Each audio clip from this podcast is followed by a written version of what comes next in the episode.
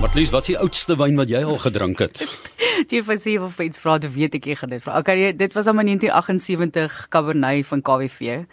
Ek het dit gekry omdat ek daai jaar gebore is, so dis die oudste wat ek normaal ja. geproe het. Ek, ek dink dit is 'n sleggie. 'n Cabernet wat so oud is. Ja. Dis interessant. Ek het al redelik ou sherries geproe hier van die 1940s. Maar jy weet hy ja. raak uh, hulle noem dit cherry, maar hy's regtig dan cherry. ja. Hier dit was 'n lieflike bottel wyn. Ek het dit sommer in 'n gewone restaurant net besluit hmm. om nog gedrink word. Ek vier die lewe, kom ons drink hom en dit was sag, pragtige, pragtige wyn. Maar 1821, dit is 'n ander storie, né? Inderdaad, en gister het ek verwys na hierdie wyn, die Grand Constance 1821 wat gewaardeer is op 80 tot 130 000 rand 'n bottel en toe is dit by die Cape Fine and Rare Wine Auction. Ja, laat gaan daarso vir 'n skamele 420 000 rand en ek hoor toe by Emile Jubber, hy is 'n groot wynkenner onder andere en hy sê toe maar hy het dit al geproe. Emile, hoe smaak daai nommertjie? ek wil eerstens vir julle twee sê nê, net omdat wyn oud is, beteken nie is goed nie. Ek bedoel is soos Joan Collins, daar's nie meer lewe daarso nie, maar dit staan net daarso. En ehm um, ek ek ken net baie baie ander wynskrywers so aan kry elke elke week briewe van mense wat sê dat ou wyne dit wat baie werd is. Dis nie noodwendig so nie, maar terug te skiet kom na die groot Constantia toe. Ehm um, dit is 'n besonderse wyn daai en ek dink dat daai prys eintlik ehm um, spot goedkoop is. Ehm um, vir wat daai koper kry, sê ek weet natuurlik dat nie ehm um, konne of verkoop nie. Maar Maar wat jy het daarso is regtig vir 'n deel van wêreldwyn geskiedenis. Constantia wat Simon van der Stel daar gekoop het in 1685. Ehm um, het hier in die in die 1700s onder Jan Coulain toe die eienaar van Constantia begin om wyn te maak. En dit is interessant hoe dit gebeur het. Ek lees nou 'n stuk van Dan Slay is dat die VOC het in um, 1717 gesê hulle wil meer wyn um, uit die Kaap uit invoer. Hulle wil minder afhanklik wees van Frankryk en Spanje. Dit stuur die VOC 1000 bottels, leë bottels Kaap toe. En al die wynboere toe hier in die omtrek moes die goed vol ehm um, maak en terugstuur Holland toe waar die VOC dit dan sou proe. En die wyn van Jan Coulain van Constantia het uitgestaan bo alles. En ehm um, so het die die Constantia se wyn begin met die onder die Jan. Ehm um, dit is soet wyn gemaak uit ehm um, Muscat Frontignan, muscadel druiwe en ehm um, hulle beweer ook 'n bietjie Pontac rooi.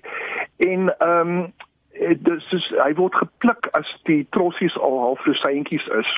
En daardie nektar het soos al die die reklame oor die veiling en die groot daai wyn van Constantia gesê het, die wêreld betower hier in die 1800s. Ehm um, ehm um, Longfellow, die digter Jane Austen, die skrywer, natuurlik Napoleon, die beroemdste ambassadeur vir vir Constantia. Maar to cut to the chase is sê is dit is ongelooflik daardie wyn bewaar is.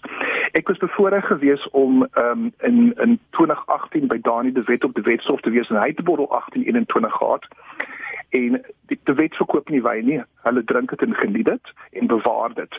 Word 1821 vir Daniel se wet, ek dink in die 80er jare gekoop het. Ehm um, ek dink vir iets is 200 rand of iets daai jare verskriklik duur en so aan.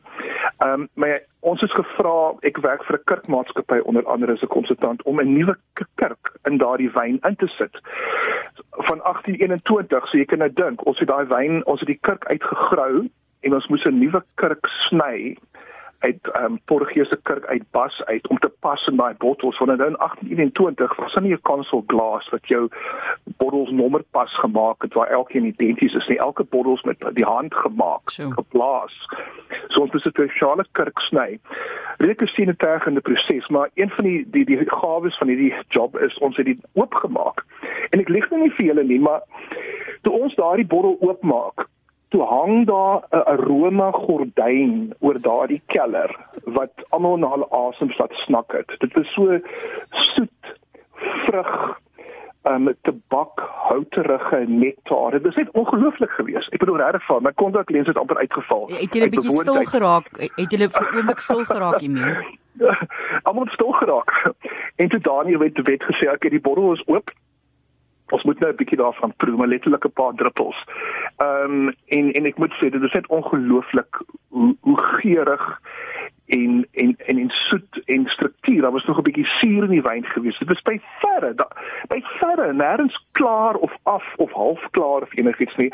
So by so dat Dani gesê het, "Right, ons gaan die kurk terugsit, nuwe kurk insit en hy gaan terug keller toe vir die volgende geslagte fotokol." So ek wil vir myself net sê, wat het daardie Kulyn en die Klutus wat nou in 17 78 Constantia oorgeneem het en Kulyn se wynvakmanskap bevorder het. Wat hulle gedoen het om daai wyne so goed te bewaar is absoluut ongelooflik en verstom. So daardie persoon wat daardie wyn gekoop het, moet weet dis dis dis lekker om te kyk na bottelwyn en sê dis 1821, is groot Constantia, Suid-Afrika by verre groot Constantia se bekendste wyn en ehm um, dit is 'n deel van wyngeskiedenis, maar as meneer of mevrou die dag sluit besluit om daardie kurk te trek jy gaan inwees vir 'n aangename verrassing. Dis bloody lekker. En dit is 'n deel van Suid-Afrika se wyngeskiedenis en ek dink die hele storie van Constantia moet ons verder uit te dra in die wêreld om te wys dat ons regtig een van die bekendste en die mees legendariese wynlande is wat die beste wyne maak. Dis my die belang van die hele storie van wat gebeur het by die naweekse veiling. En ek moet net noem jy daar verwys na die kerkmaatskappy dit is mense wat ons ook al in die ateljee gehad het en een van die oudste kerkvervaardigers in Portugal Amarim wat ons mee gesels het op daai stadium oor die geskiedenis mm -hmm. daar. Baie dankie dat jy met ons gesels het Emil. Ek is baie jaloers, maar nou ja, so is daar ook voordele in 'n mens se werk, né? Emil Jubber wat met ons gesels het, eintlik 'n baie kort stukkie oor die diep diep geskiedenis agter hierdie wyn en dit is net weer eens indien jy dit misgeloop het die Grand Constance 1821 vir die naweek op 'n veiling 420 000 rand behaal of gehaal het en was op die ou end toe nou uiteindelik oorspronklik vir 80 000 gewaardeer, maar Emil sê dit is definitief die moeite werd. Ek sê dit oopmaak Johan.